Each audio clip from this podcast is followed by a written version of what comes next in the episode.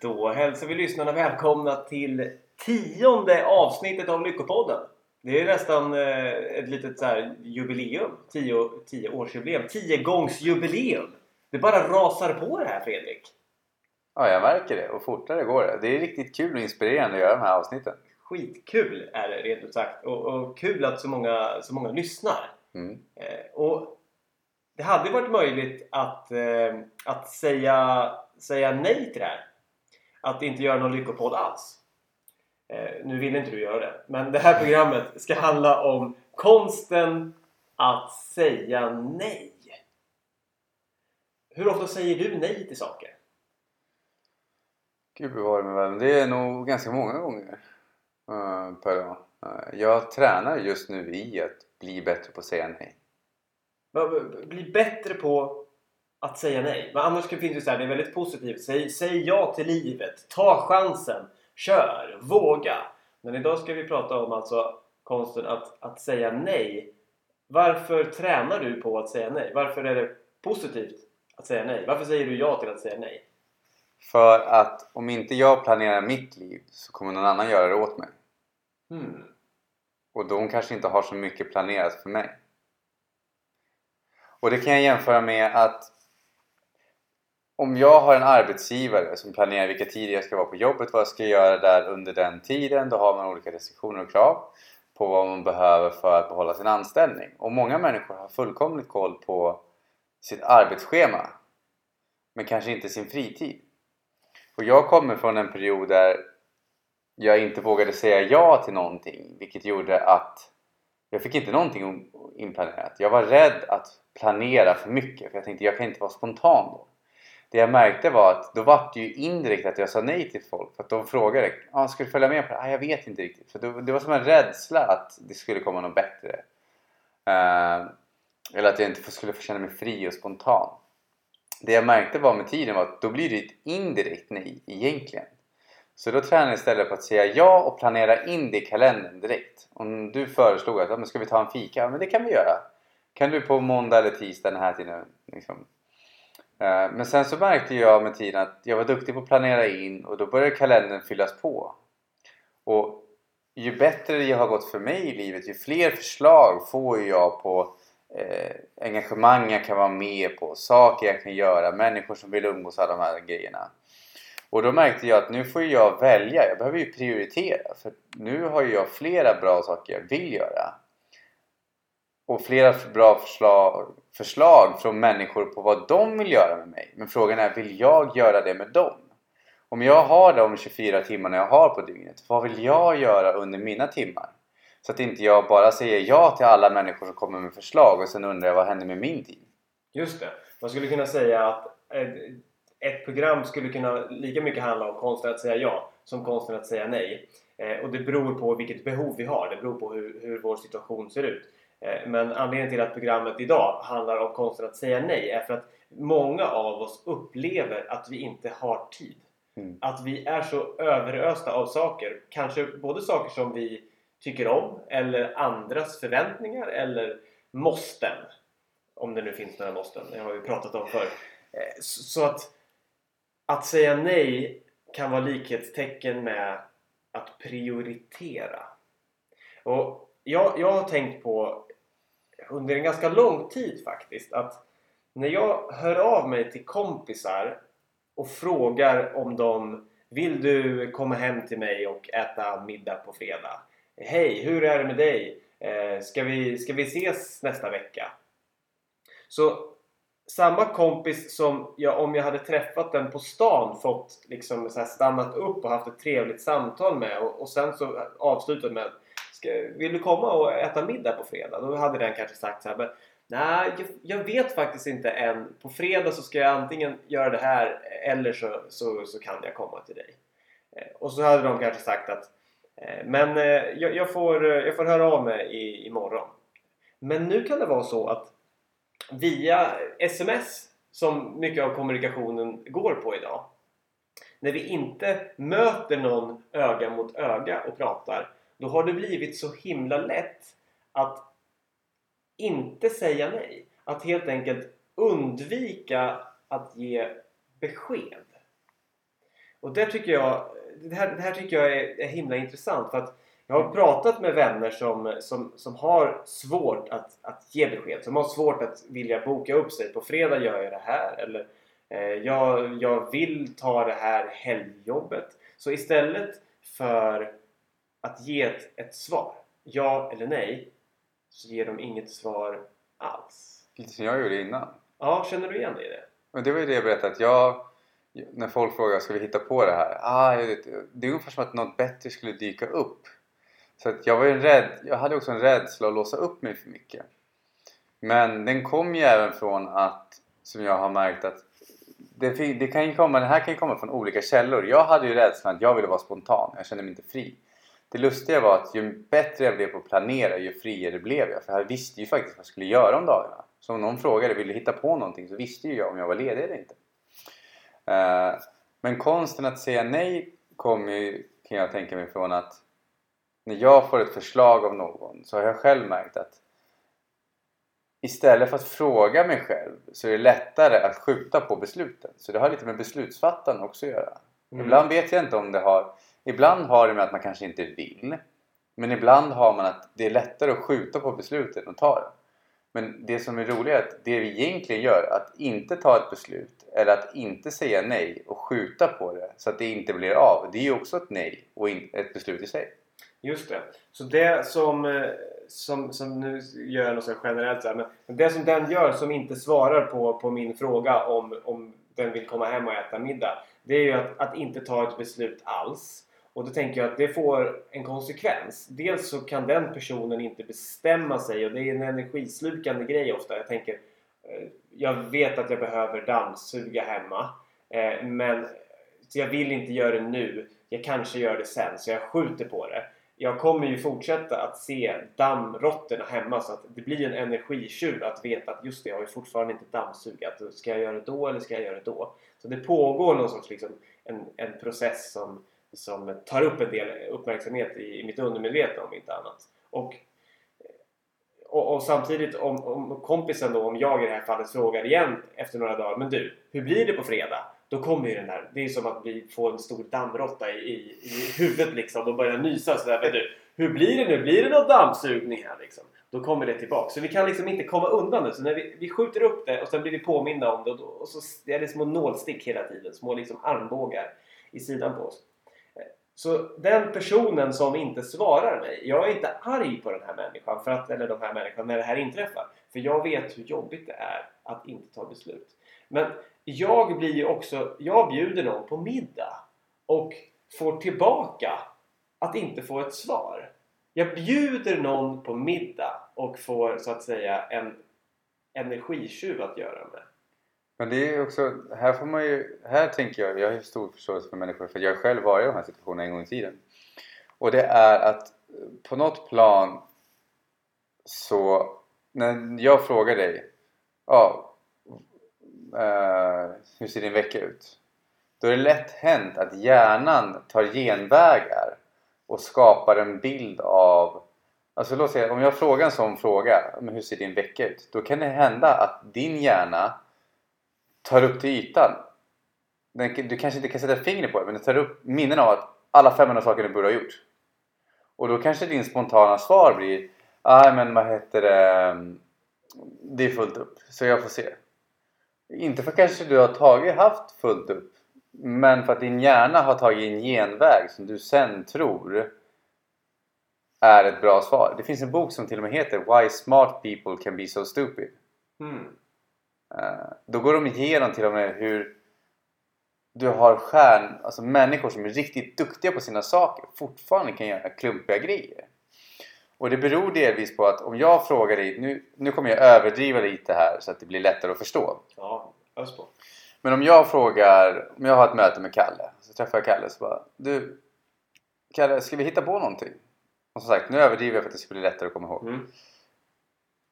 Då kanske han svarar, nej men alltså det, jag, det, det, jag, jag, jag vet inte riktigt hur veckan ser ut men vi kan höras av lite senare. Och egentligen det som är, ligger latent i hans undermedvetna det kommer han aldrig åt. För att det undermedvetna försöker skydda honom från de svaren. Det är liksom att nej men vet, eh, frugan är otrogen jag dricker för mycket sprit på helgerna så jag vill ju inte avslöja att jag super till för mycket.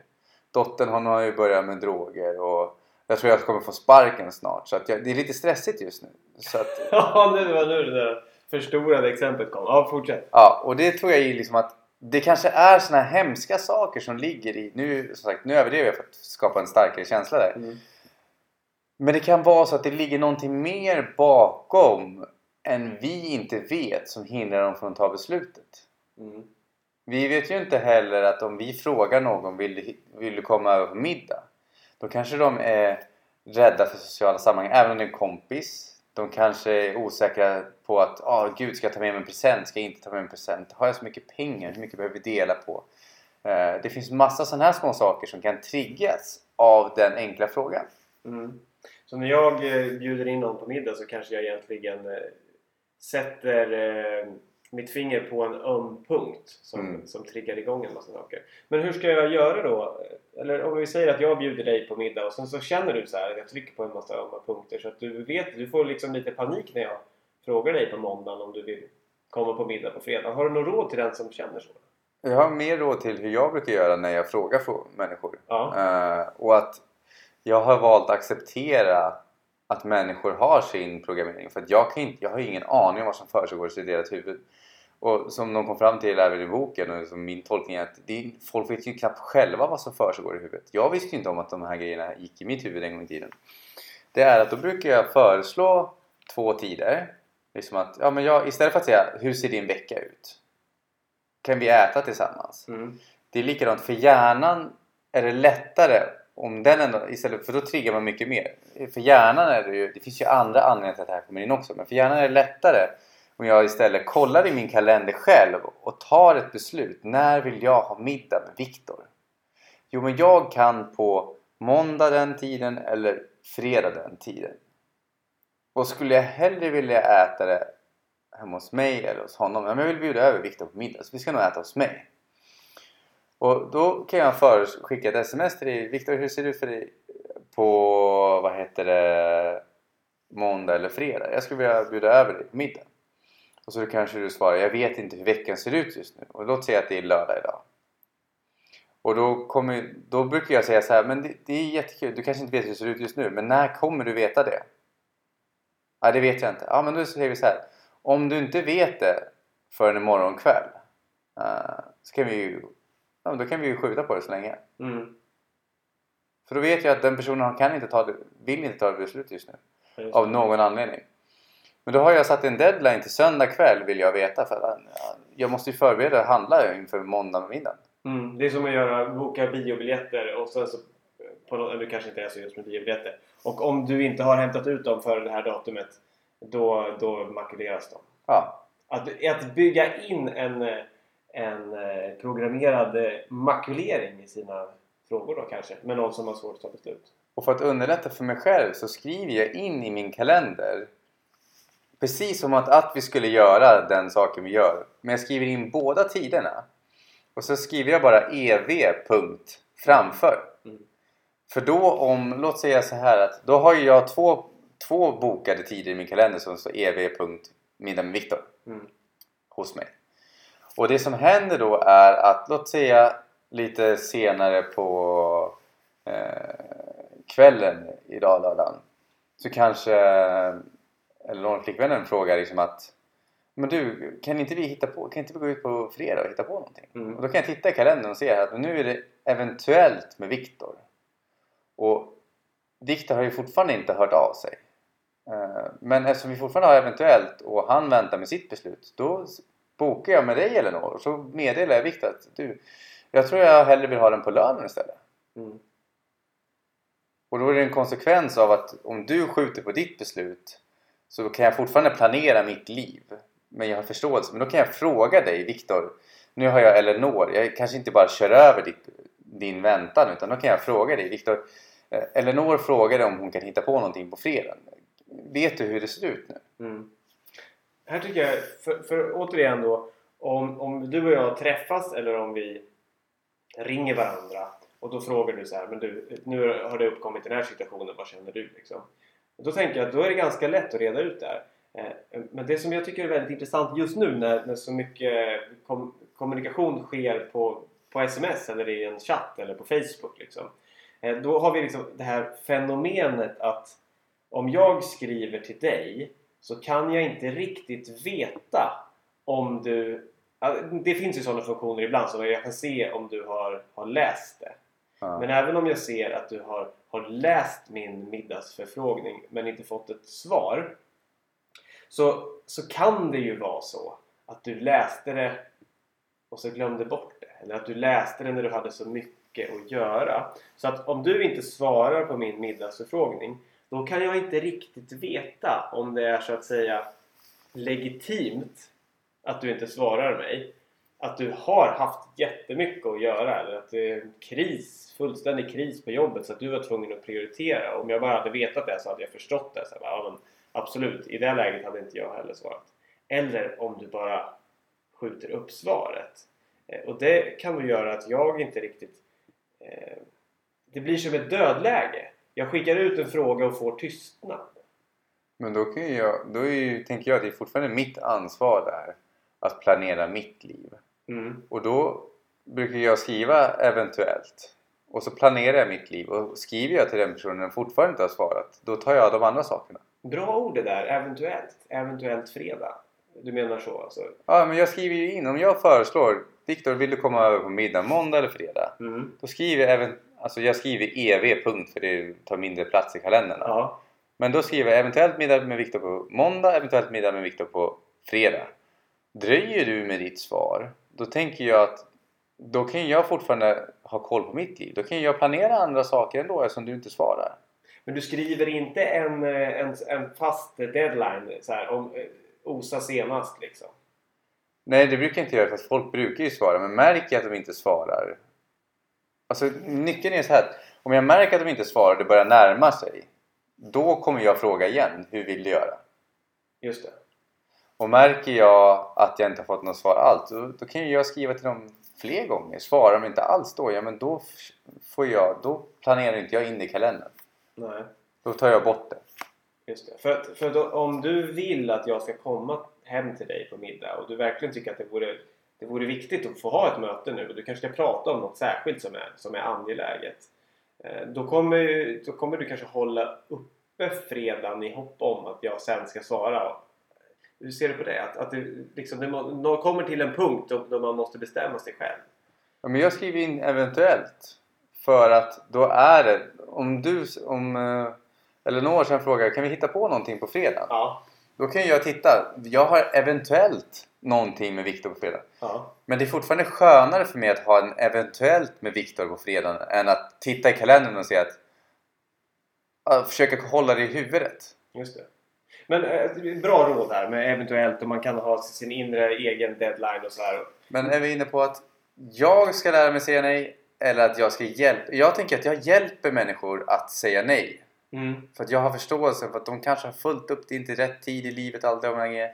Jag överdrev lite innan för att förklara liksom att nu tog jag i för kung och fosterland men vad som helst kan hända i den personens liv och det är helt okej om de inte vill just nu eller har svårt att svara och uttrycka sina känslor. Just det. Men då, för att komma tillbaks till programmets kärna, konsten att säga nej. Eh, en hypotetisk fråga då, eller vad, vad, vad tycker vi egentligen? Ska det behöva vara så här? Ska vi behöva leva med att våra närmsta vänner inte svarar oss när vi frågar en enkel fråga? Som om vi hade träffat på dem på stan innan mobilernas tid så hade vi hade aldrig bara struntat i att svara någon. Om jag möter dig på stan så här, men hej Fredrik, hur är läget med dig? Alltså, du, om du då bara skulle passa total tystnad. Du skulle inte ens titta på mig. Eller du skulle notera. Du skulle se mig men sen bara skita i mig och gå därifrån. Är det inte egentligen det vi håller på med när vi inte svarar på varandras meddelanden? Är det inte en, en brist i... Vi har inga etikettregler för dagens digitala samhälle och kommunikation när vi frågar. Vi har inget hyfs. Kan det inte vara så? Jag tror också att många människor blir överrumplade. Alltså det är precis som du vet, jag hade någon dag när vi jag kommer inte ihåg vad jag gjorde, jag tror vi spelade in podden som var på middagen och sånt. Och sen när jag kollade telefonen så hade jag 26 meddelanden. Du vet, jag hade 13 via Facebook och 13 via SMS. Inte från mig. Eh, Och vet, självklart, det är inte alla dagar som är så. Men det som händer är, om jag svarar alla 26 personerna, vad kommer de fortsätta göra? Ställa fler frågor. Och därför kanske det är lättare att bara ringa upp så man klarar ut allting. För annars så blir det att det som kan bli jobbigt för många det är att det, det är inte bara dig jag pratar med. Så jämför istället så här. Jag träffar dig på gatan. Samtidigt kommer 25 andra vänner och ställer olika frågor samtidigt till mig. Och så ska jag se er alla. Och svara er alla på alla era frågor samtidigt. Och då finns risken att du freakar ur och säger nej men det här går ju inte, nu går jag hem istället. Och Ja. svarar ingen. Ja, Just det. Det var en bra, bra liknelse. Så det kan egentligen vara det som händer när någon inte svarar på, på ens meddelanden. Att, att situationen ser ut så. mm. Ja, men det, det är, så kan det vara. Men så tänker jag också i, i fördelen med att eh, dammsugar, eh, dammsugarliknelsen igen då. Att det finns ju en, en belöning i att, att dammsuga första gången som jag har en lucka att dammsuga och ser att det finns eh, eh, dammråttor på golvet. För då kommer jag sen vara av med dem och jag kommer tycka att det, det är skönt eh, att det är klart. Och så kommer jag nästa gång jag kommer in i lägenheten känna såhär "Åh, fasen vad skönt att jag dammsög liksom. Så att när vi, när vi inte har 25 personer som pratar med oss samtidigt från alla håll och kanter utan det, det faktiskt inte har svämmat över än så att säga i inkorgen eller, eller så. Att, att då beta av innan det lagrar på för mycket. Och det är väl så med allting oavsett om det handlar om städning eller om det handlar om att svara på mail eller eh, att göra saker innan de har hopat sig så mycket så att motståndet växer och växer och växer och till slut har vi ett berg att bestiga istället för att eh, hoppa över en liten, litet gruskorn. Men då har vi en intressant fråga här. Hur hanterar du när väldigt många personer skriver samtidigt och vill höra av sig och träffas? Och... Då försöker jag samla... Jag, jag är inte så att jag känner att jag måste svara alldeles direkt. Men jag försöker sätta mig ner och ta en tid då jag går igenom många samtidigt. Att, att bunta ihop det. det. Det skulle med städliknelsen kunna vara så att okej, nu, behöver jag, nu är det både badrummet som behöver, liksom, toaletten behöver skuras och badrumsspegeln eh, behöver tvättas, putsas och dammsuga behöver jag göra i hela lägenheten. Då tänker jag så här, okej nu är det så mycket saker här ett tag nu så då får jag nog faktiskt boka in en städförmiddag. Och så kör jag allt på en gång. och hur gör du då om resten av livet är fullt? Du har, eh, liksom, du har inbokade saker, du har ett heltidsarbete och du kanske inte har den energin på kvällarna. Då kommer jag välja att sätta mig ner och skriva ner allt som är på min eh, upplevda måste göra eller att göra-lista. Och så kommer jag prioritera vilket som måste göras först eller vilket jag vill göra först. Och så kommer jag börja bocka av det. Eh, och då kan det ju hända att eh, de här meddelandena kanske hamnar en bit ner. Och då kommer jag alltså mina vänner få vänta på mitt, mitt svar. Och sen utöver det så har vi, alltså det, vi bombarderas ju med information. Vi har eh, e-post. Jag, jag har flera vänner, de har ju flera tusen olästa mejl av prenumerationer som man liksom prenumererar på. Det är notiser som plingar från Facebook, eh, Snapchat, Instagram, Twitter plus e-posten och sms och missade telefonsamtal och röstbrevlådan. Och en hamster som tjuter och inte mat. Och en tamagotchi. Ja, ja, ja, herregud. Sån hade jag faktiskt en gång tiden. Ja, men du vet, hunden, man, man ska gå ut med hunden. Fredrik har inte stängt av mobilen. Hmm. Jo, jag har stängt av mobilen men jag har inte stängt av ljudet på datorn. Det är så det går när man, när man eh, spelar in live. Ja, och den Låtsas, bjuder låtsas live. Vi bjuder på det. Fortsätt! Ja. ja, du tappar bort mig. Ja, men det, det finns mycket. Det, det pockar på från som det är Tamagotchis, hamstrar och eh, Facebook-meddelanden och notiser. Ja. Vi är överösta samtidigt med så himla mycket. ja, men det blir det. Guldfisken simmar åt fel håll i akvariet. Alltså det, till slut så blir det översvämning liksom. Och så därför brukar jag försöka i åtanke att hjälpa människor. Och det är ju en träning i sig. Det var inte lätt för mig i början. Men att hjälpa människor ta beslut. Att hjälpa människor att planera. För om de inte gör det själva så är, kan det vara ganska tufft. Det kan vara utmanande. Skulle det kunna vara så här att, att hjälpa någon som jag vet har svårt att säga nej eller misstänker har svårt att säga nej med att ge den en möjlig exit? Precis. Utan att, kunna, utan att behöva vandra ut med byxorna nere. Mm. Och kanske skicka ett meddelande efter två dagar och säga att Eh, ja men du, och, och det kanske är mycket nu eller, eller jag vet inte hur det ligger till men, men det är helt okej att ta den där middagen en annan dag. Mm. Och så gör jag faktiskt ibland. Jag målar upp det som att jag sitter och rycker mitt hår och är helt galen över att ingen svarar på mina middagsinbjudningar. Men, men jag, jag jobbar Jag har aldrig fått någon. Nej, jag, nej, det är sant. För jag vet att du säger ja så jag vågar inte bjuda dig på middag. Nej men att, att man ger då, skickar ett meddelande efter några dagar och säger att vi, vi kanske ska ta det här eh, nästa vecka istället. Och då, och det är det här som är så spännande, då kommer svaret bara BOOM! Ja men det kanske vi kan göra. Ursäkta det har varit ganska mycket några dagar nu här men vi tar nya tag nästa vecka. Så då handlade det inte om att de inte hade liksom tid att svara. Inte just tid att svara men det kanske fanns Eh, de vågade kanske inte svara eller inte visste vad de skulle svara. Och då när jag talar om att det är lugnt, du behöver inte svara. Då hade de minsann tid att svara. Så det visar ju att det låg något annat bakom det. Ja, och då behöver det inte vara att dottern går på droger. Men någonting... Det kan vara bara att det har varit tufft den veckan. Liksom. Eh, mycket på jobbet och sånt som gör att man kanske inte har den energin. Men jag skulle säga att vi väljer hur mycket energi vi har också. Genom att, det kan låta konstigt men om jag kommer hem och är trött så brukar jag tänka att nu kanske inte jag är trött. Det är bara det att jag har energiskulder och energitillgångar runt omkring mig. Och har jag mycket ogjort så kan det faktiskt ta min energi mer än att faktiskt göra saken. För jag vet ju själv känslan av att Tänk dig nu dragit dig för att städa men du faktiskt väl står där och har ryckt tag och gjort rent och fint och efteråt nöjdhetskänslan den ger ju mer energi fast du faktiskt har gjort någonting ansträngande. Just det. Så, sånt som vi har motstånd mot gör oss trötta och tar energi. Ja. Ett väldigt exem- enkelt exempel som de flesta kanske kan relatera till. Eh, om, om när jag satt i skolan och det var en, en lektion som jag, det var intressant. Då kunde jag ju vara pigg hur lite jag än hade sovit natten innan.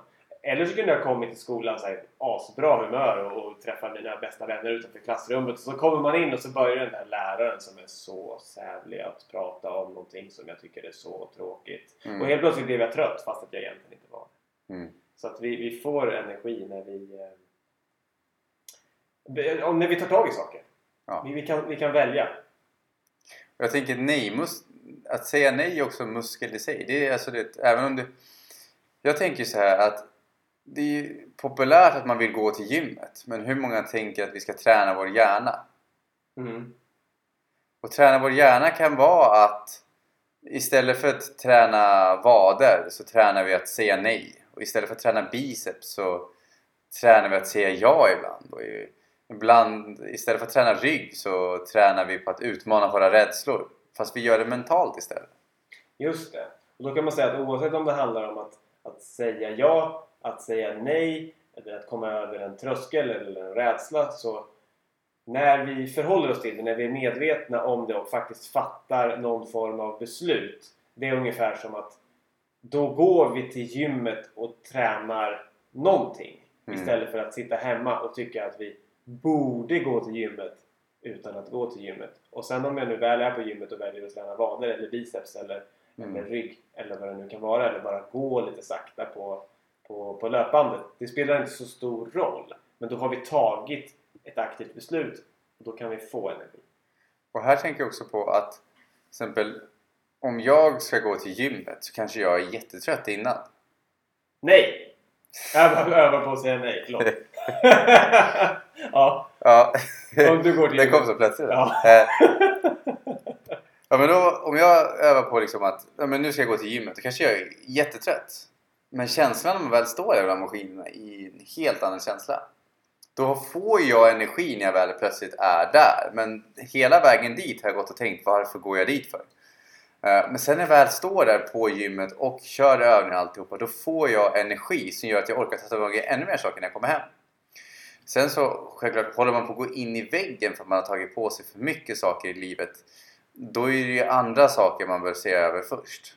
Mm. Då kanske man inte har den energin, då ska man inte bränna ut sig mer. Men, för då är det ju andra saker man bör titta på. Eh, inför vad det är som tar energi där istället. Mm. Mm. Mycket intressanta strategier och det ble- blev ett program som handlar kanske lika mycket om, att säga eh, ja som att säga nej. Mm. Eh, Men helst inte som den gamla Sven-Ingvars-sången. S- Säg, säg inte nej, säg kanske, kanske, kanske. Det kanske inte är en låt som vi ska ha som ledmotiv till, till det här programmet. Eller Ja. som, som eh, avslutning. Jag tar med mig mycket goda råd från dig. Jag känner att jag fick mycket, mycket nytt också. Det finns alltid något att eh, fundera på i den här självutvecklarsvängen alltså.